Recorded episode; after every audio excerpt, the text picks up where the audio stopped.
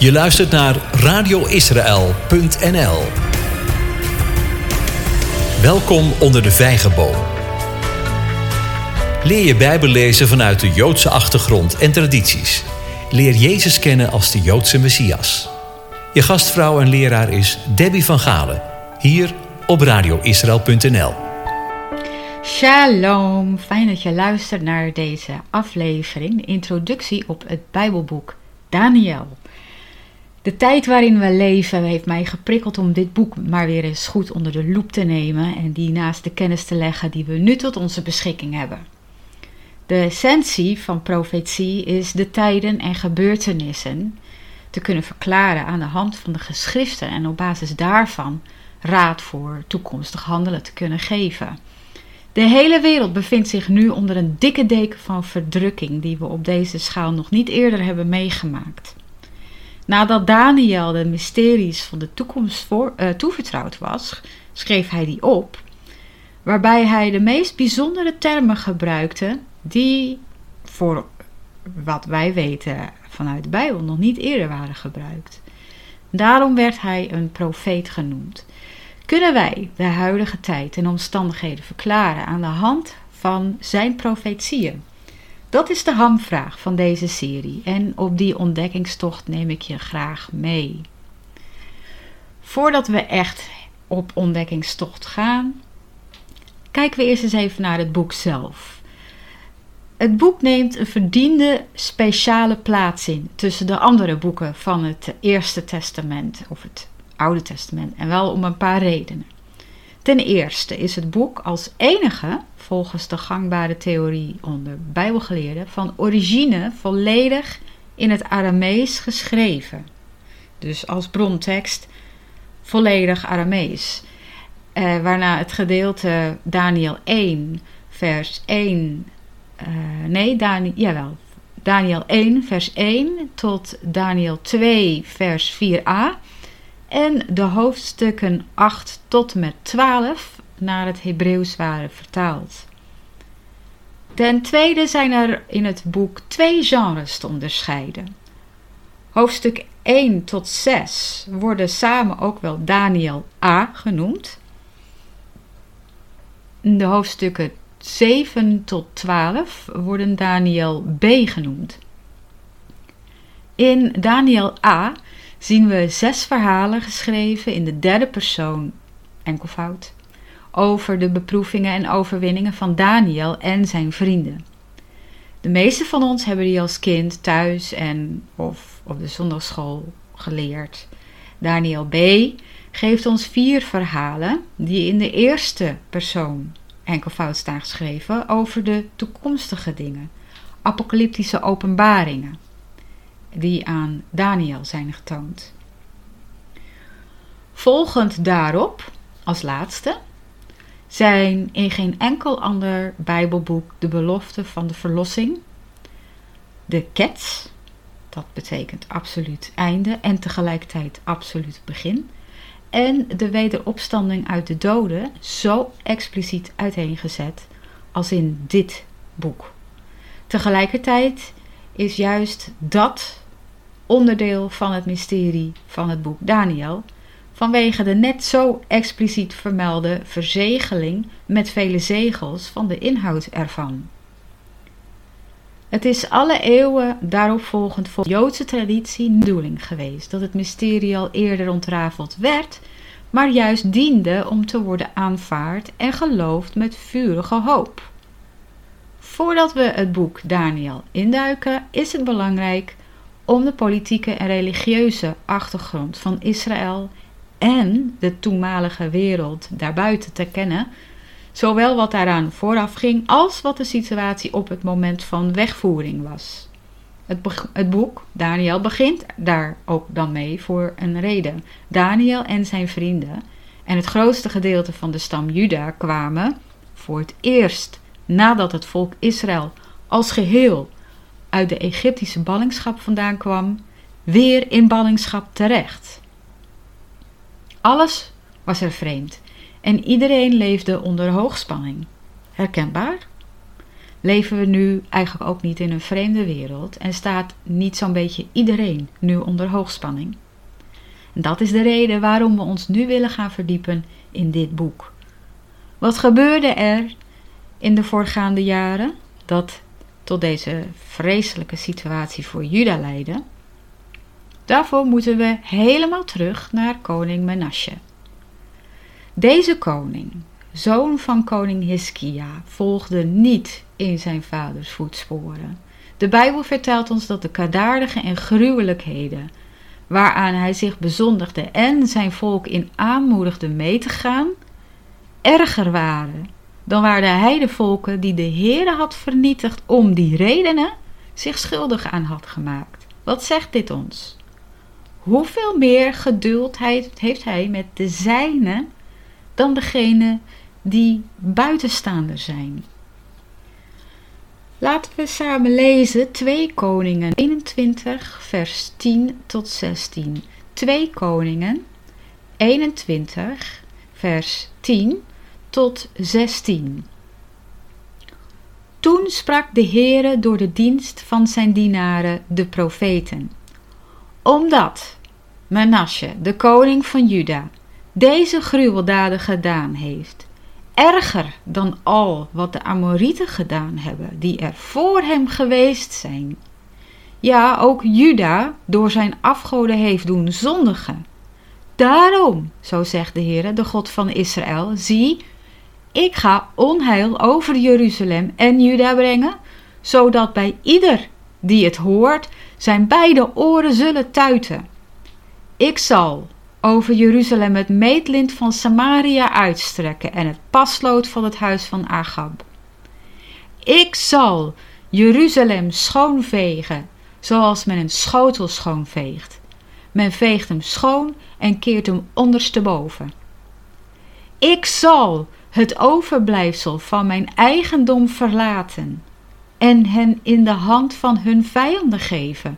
Zij zullen tot plundering en tot buit worden voor al hun vijanden, omdat zij gedaan hebben wat slecht is in mijn ogen en mij tot toren verwekt hebben vanaf de dag dat hun vaderen uit Egypte gegaan zijn tot op deze dag. Bovendien vergoot Menasje heel veel onschuldig bloed, totdat hij Jeruzalem daarmee vervuld had van het ene einde tot het andere einde, afgezien van zijn andere zonde, waarmee hij Juda deed zondigen, door te doen wat slecht was in de ogen van de Heere. Dat zijn stevige woorden. God zal ze. En hij vertelt daarbij waarom. Dat de zonde vanaf de dag dat hun vaderen Egypte uitgegaan waren tot op de dag dat deze profetie werd uitgesproken in Twee Koningen. En daarbij had Menasje nog heel veel onschuldig bloed vergoten totdat hij Jeruzalem daarmee vervuld had. Pittig, heel pittig. Ik denk dat wij prima kunnen stellen aan de andere kant. Dat wij in net zo'n maatschappij, in net zo'n wereld leven. Naast de andere zonde die Menasje deed. Altaren oprichten, zelfs in de tempel van God. Offeren aan Baal, aan Asherah en andere vreemde goden. Zelfs zijn eigen zoon door het vuur laten gaan als eed, een verbondsluiting met die goden en die afgodendienst. Hij ging daarbij verder dan de volkeren die door God verwoest waren om dezezelfde gruwelijke zonde. Naast deze andere zonde vergoot hij heel veel onschuldig bloed en dat werd hem aangerekend. De Bijbel is geen boek waarin we overdrijvingen zien. Dus als er staat heel veel, dan moeten we dat ook zo opvatten totdat hij er Jeruzalem mee had gevuld, wat we poëtisch moeten lezen. Dus met andere woorden, iedereen kende wel iemand die zich schuldig had gemaakt of slachtoffer was, als ze het zelf al niet waren. Als we in de vergelijking met deze tijd dat doortrekken, hoeveel onschuldig bloed vergieten wij niet in de wereld van vandaag? Denk aan alle geaborteerde baby's die gratis op kosten van de belastingbetaler worden vermoord.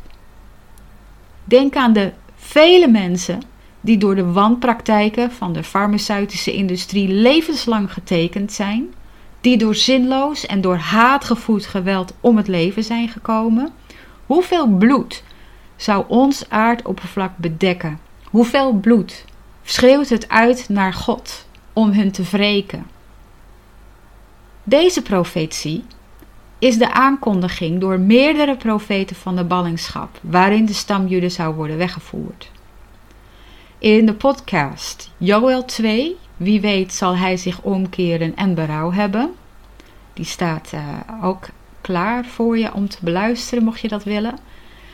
Komt dit ook weer voor? En waar de jonge Daniel en zijn vrienden in mee zouden worden gesleurd.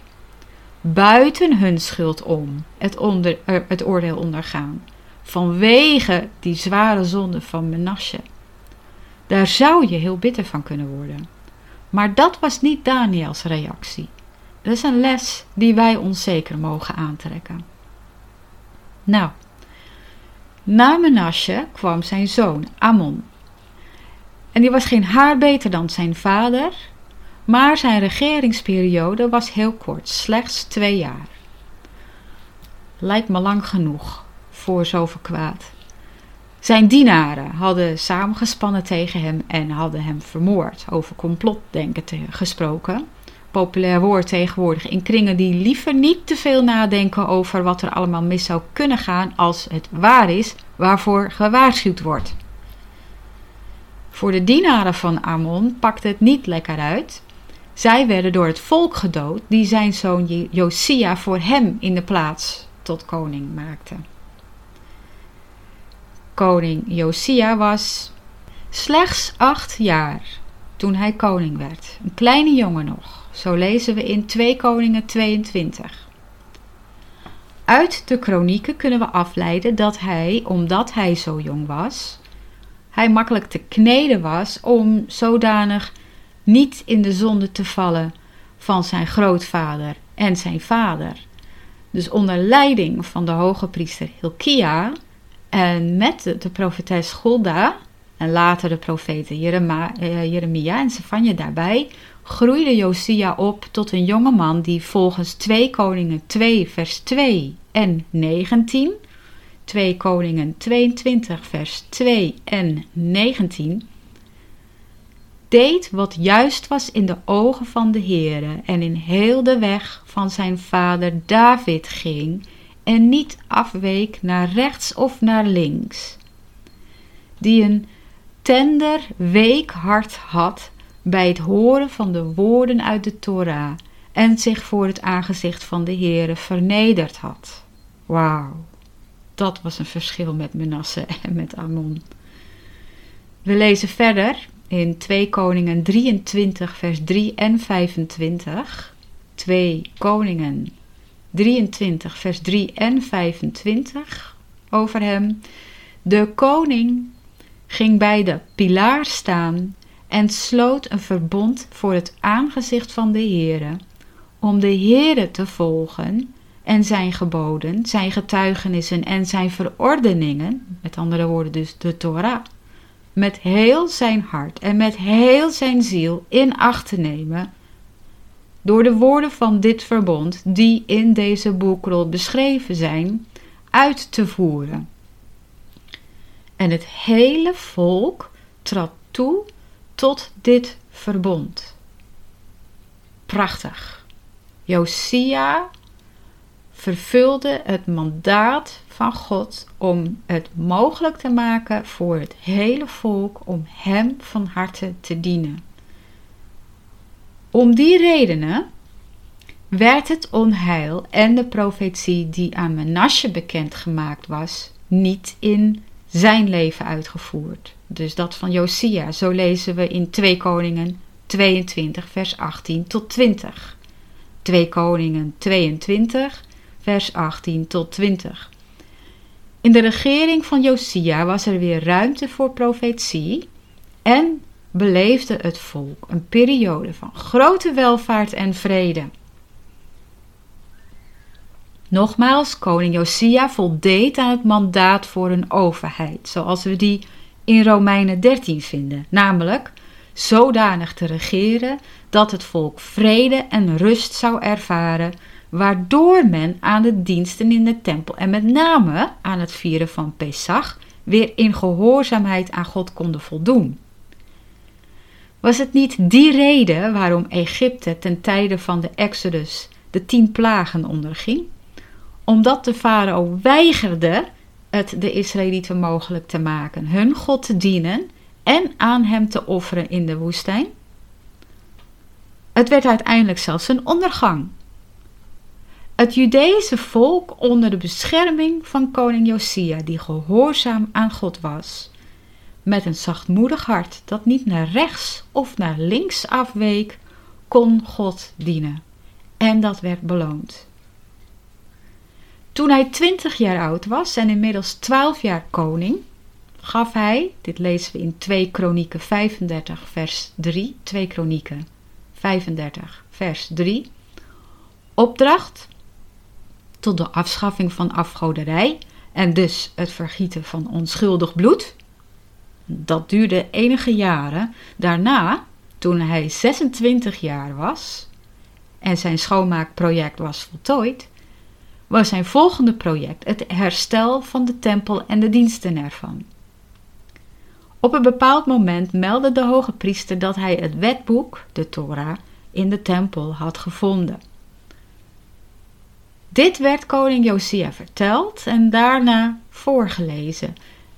Zijn reactie was: Het gebeurde nu, toen de koning de woorden van het wetboek hoorde, dat hij zijn kleren scheurde. 2 Koningen 2, vers 11. 2 Koningen 2, sorry, 2 Koningen 22, vers 11. Natuurlijk kende hij de grote zonde van zijn grootvader en vader. Hij hoorde nu ook wat dat zou betekenen. Het volk zou volgens Deuteronomium worden verbannen en dat nam hij uiterst ernstig op. Dus hij stuurde zijn mensen naar de profetes Golda om bij haar te raden te gaan. En zij vertelde dat de Heere zijn oordeel over Juda evengoed zou uitvoeren, alleen niet in zijn leven. Koning Josia stelde het jaarlijks vieren van Pesach daarna weer in. En daarover staat echt zo mooi beschreven in 2 Kronieken 35 vers 18. 2 Kronieken 35 vers 18. Een pascha zoals dit was in Israël. Sorry, een pascha zoals dit was in Israël niet meer gehouden vanaf de tijd van de profeet Samuel. En geen van Israëls koningen heeft het Pascha gehouden, zoals Josia nu hield met de priesters en de levieten, en heel Juda en Israël dat daar aangetroffen werd, en de inwoners van Jeruzalem. Daar zou je spontaan mee naar krijgen. Wat moet dat een geweldig feest zijn geweest. Ongelooflijk. Na de vondst van de Torah in de tempel door de hoge priester Hilkia vond er dus een uitbreiding van nationale reformatie plaats. Dit was zoals duidelijk is op religieus niveau, maar er vond er ook een op politiek niveau plaats. Dat wil zeggen, Juda zou niet langer na een vazal van Egypte worden door een miscalculatie van koning Josia.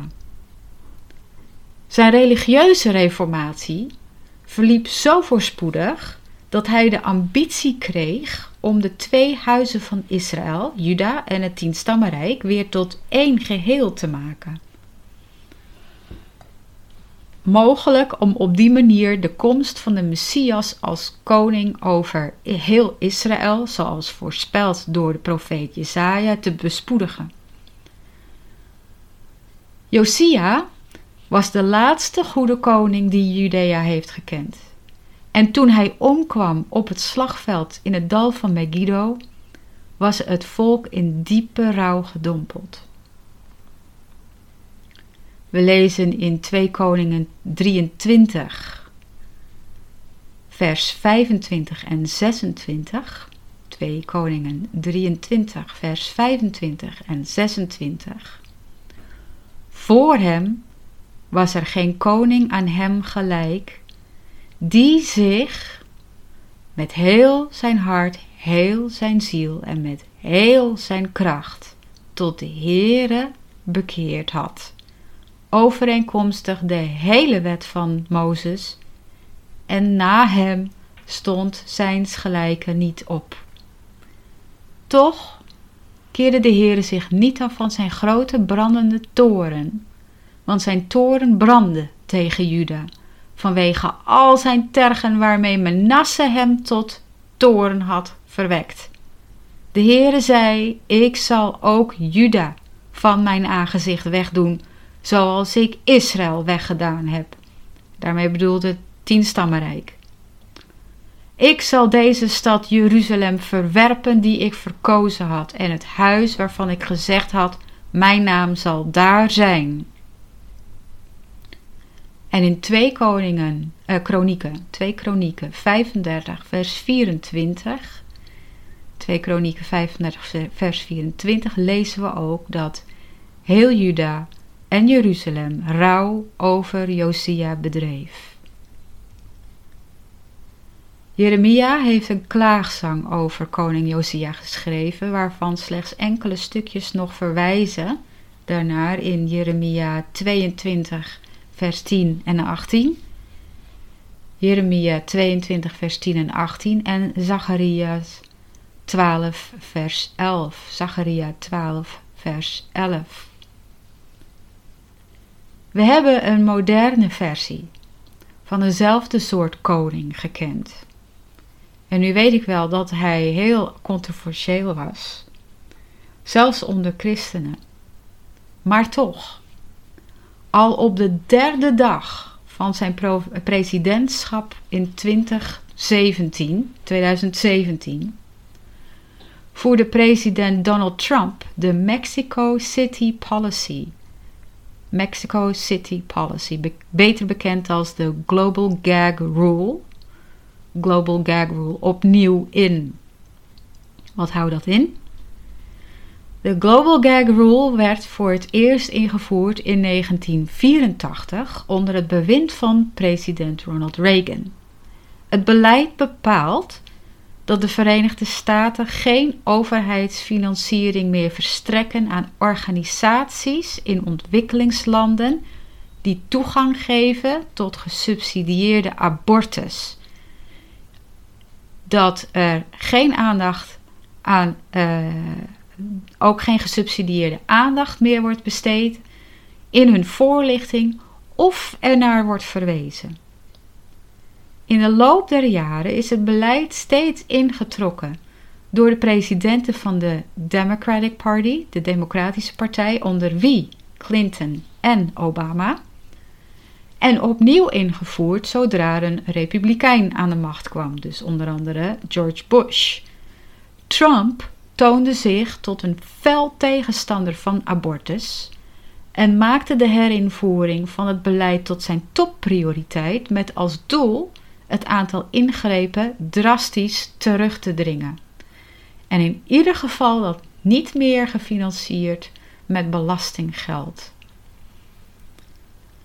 Twee jaar later, in februari van 2019, kondigde president uh, Trump een drastische aanpassing aan in het Title X National Family Planning Program. Title X National Family Planning Program. Dit programma is 50 jaar geleden in werking gesteld om Planned Parenthood, dat abortus en geboortebeperkingen aanmoedigt, wereldwijd inmiddels, te financieren met belastinggeld.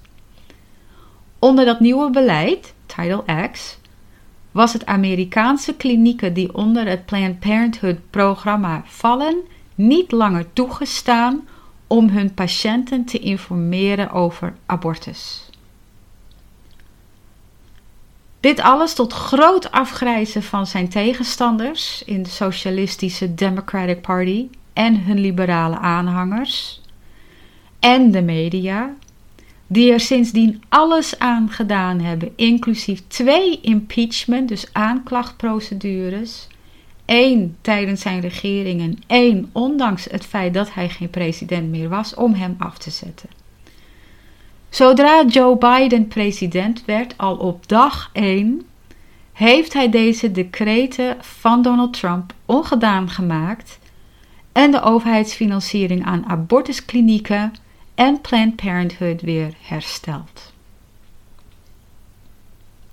Met het verlies van koning Josia verloor het volk hun laatste hoop op rust en vrede in het land. Veel christenen in de VS, maar ook erbuiten, ervoeren het aflopen van het presidentschap van president Trump net zo. Om die reden. Na de dood van Josia werd Gods plan over Juda volvoerd. Nooit eerder, vanaf het moment dat Israël, de Heere met Israël in de woestijn zijn verbond met haar aanging als zijn bruid, waren zelfs beleidende Joden naar een vreemd en vijandig land verbannen. Nou, dan komen we nu in de wereld van Daniel terecht. Dus laten we inzoomen op de situatie in de wereld ten tijde van Josia en daarna tot aan de totale ballingschap van Juda, 23 jaar later. De profeten in deze tijd waren Jeremia, Uria en Habakkuk. Maar hoe luid ze ook waarschuwden, er werd niet naar ze geluisterd. De waarschuwingen werden afgewezen en de profeten werden belachelijk gemaakt. Ik denk dat we in deze tijd daar ernstig lering uit moeten trekken. Er zijn in de afgelopen periode diverse getoetste waarschuwingen op basis van Gods woord afgegeven aan de christelijke leiders in dit land, zowel aan de besturen van overkoepelende organisaties als op politiek niveau.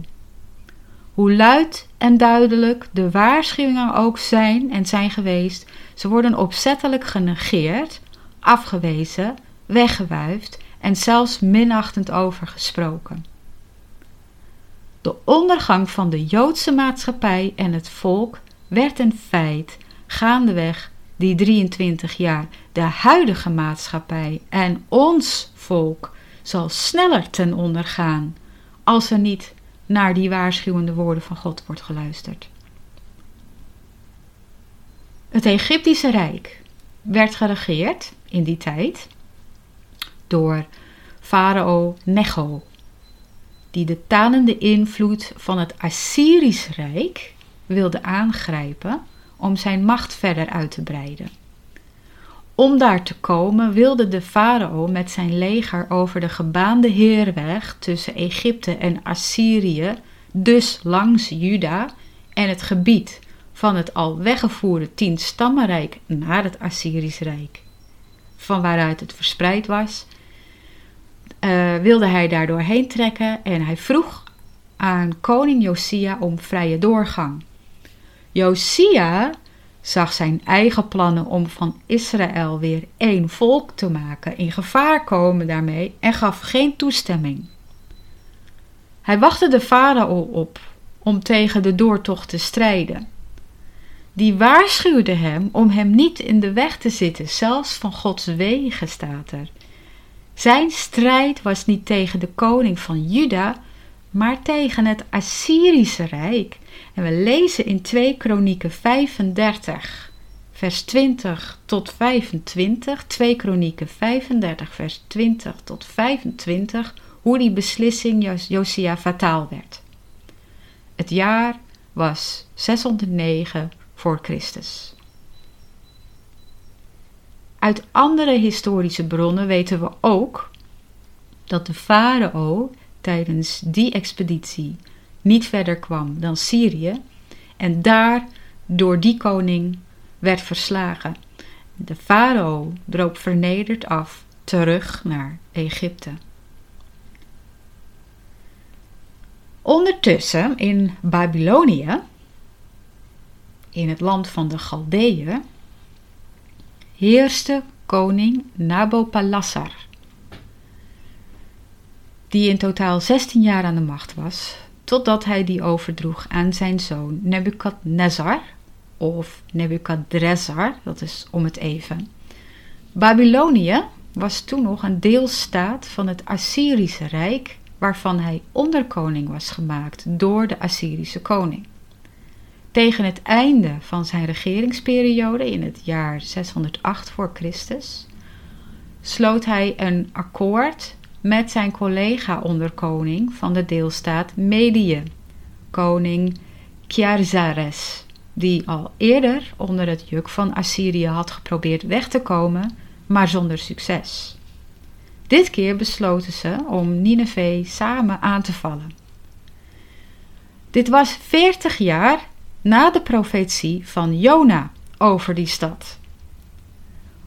Om de alliantie te bekrachtigen en ieder zichzelf ervan te verzekeren dat die alliantiepartner geen verraad zou plegen, werden de kroonprins van Babylonië, Nebukadnezar, en de dochter van de koning van Medië, Amitis, aan elkaar uitgehuwelijkt. Vervolgens trokken de twee koningen, dus Nabopolassar en Kiazares, samen op naar Nineveh en verwoesten de stad volledig. Staken hem in brand, er was niets meer van over. Daarmee kwam ook een einde aan het Assyrische Rijk. Van circa 608, 607 voor Christus. En werd het nieuwe Babylonië als grootmacht, beginnend grootmacht, een feit. Daarna trad koning Nabopolassar af en werd zijn zoon Nebukadnezar koning. Je snapt dan wel dat dit nog een jonge en ambitieuze koning was. En dat werd niet onopgemerkt uh, in, uh, in Egypte.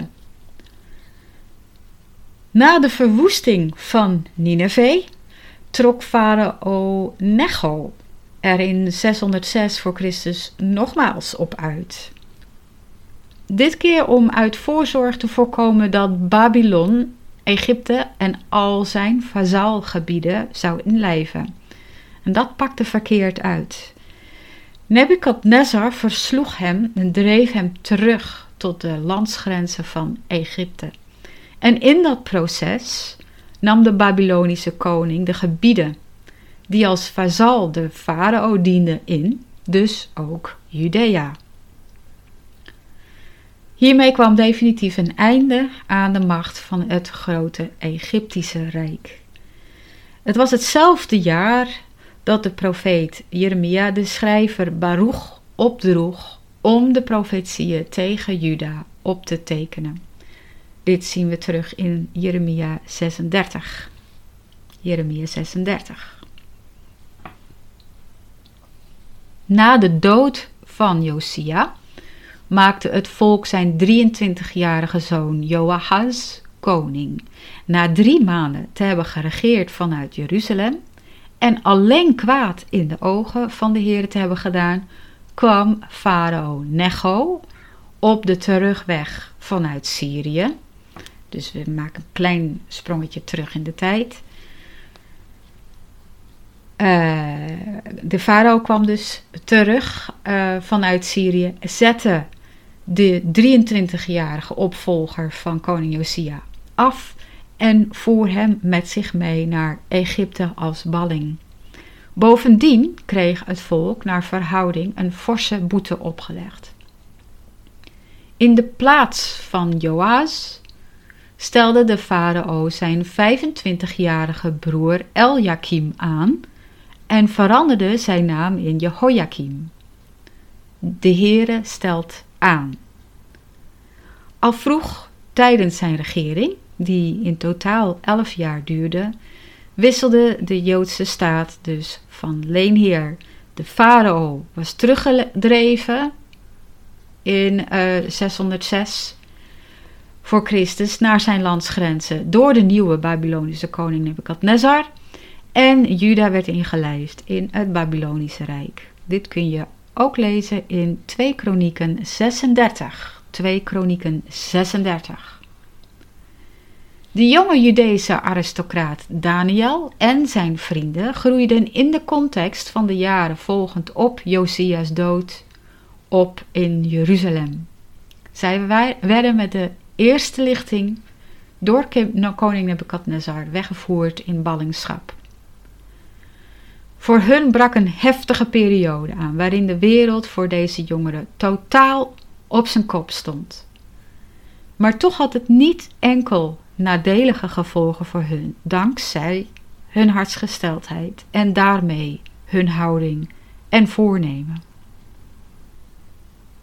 Als laatste kijken we nog even naar de betekenis van Daniels naam. De namen van alle engelen eindigen op El. Dat betekent God. Om duidelijk te maken dat welke kracht zij ook bezitten, dat niet zij dat uit zichzelf bezitten, maar het vanuit God bezitten.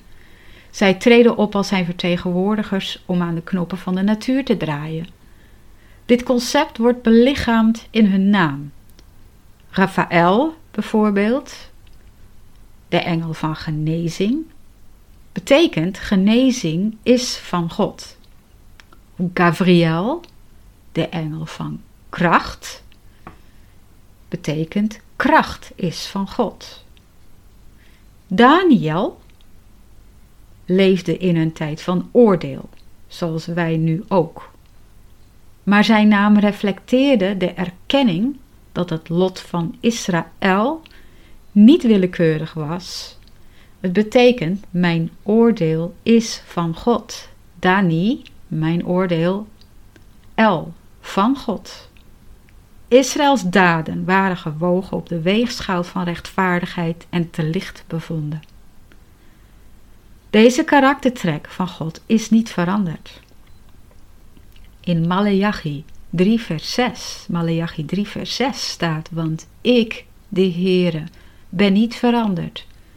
U, kinderen van Jacob, bent daarom niet omgekomen terwijl andere volkeren eenzelfde lot, eenzelfde soort lot als de Israëlieten was overkomen, werd die stevast toegeschreven aan schimmige geschiedverhalen, geografie, macht en politiek, zoals nu ook weer.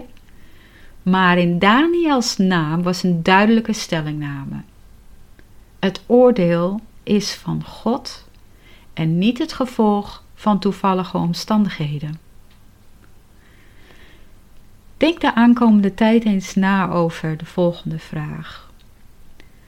Kunnen wij in ons land, in Israël en in de rest van de wereld deze dingen ook weer herkennen in de tijd waarin we nu leven?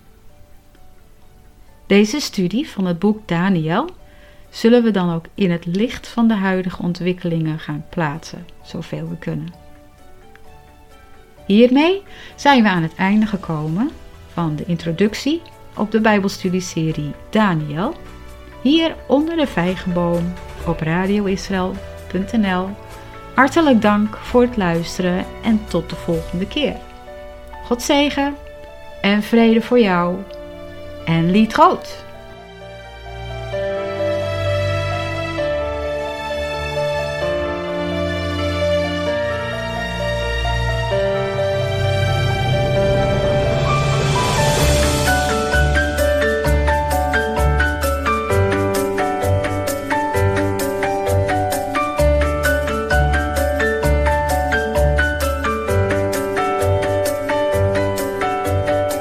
Je luistert naar radioisrael.nl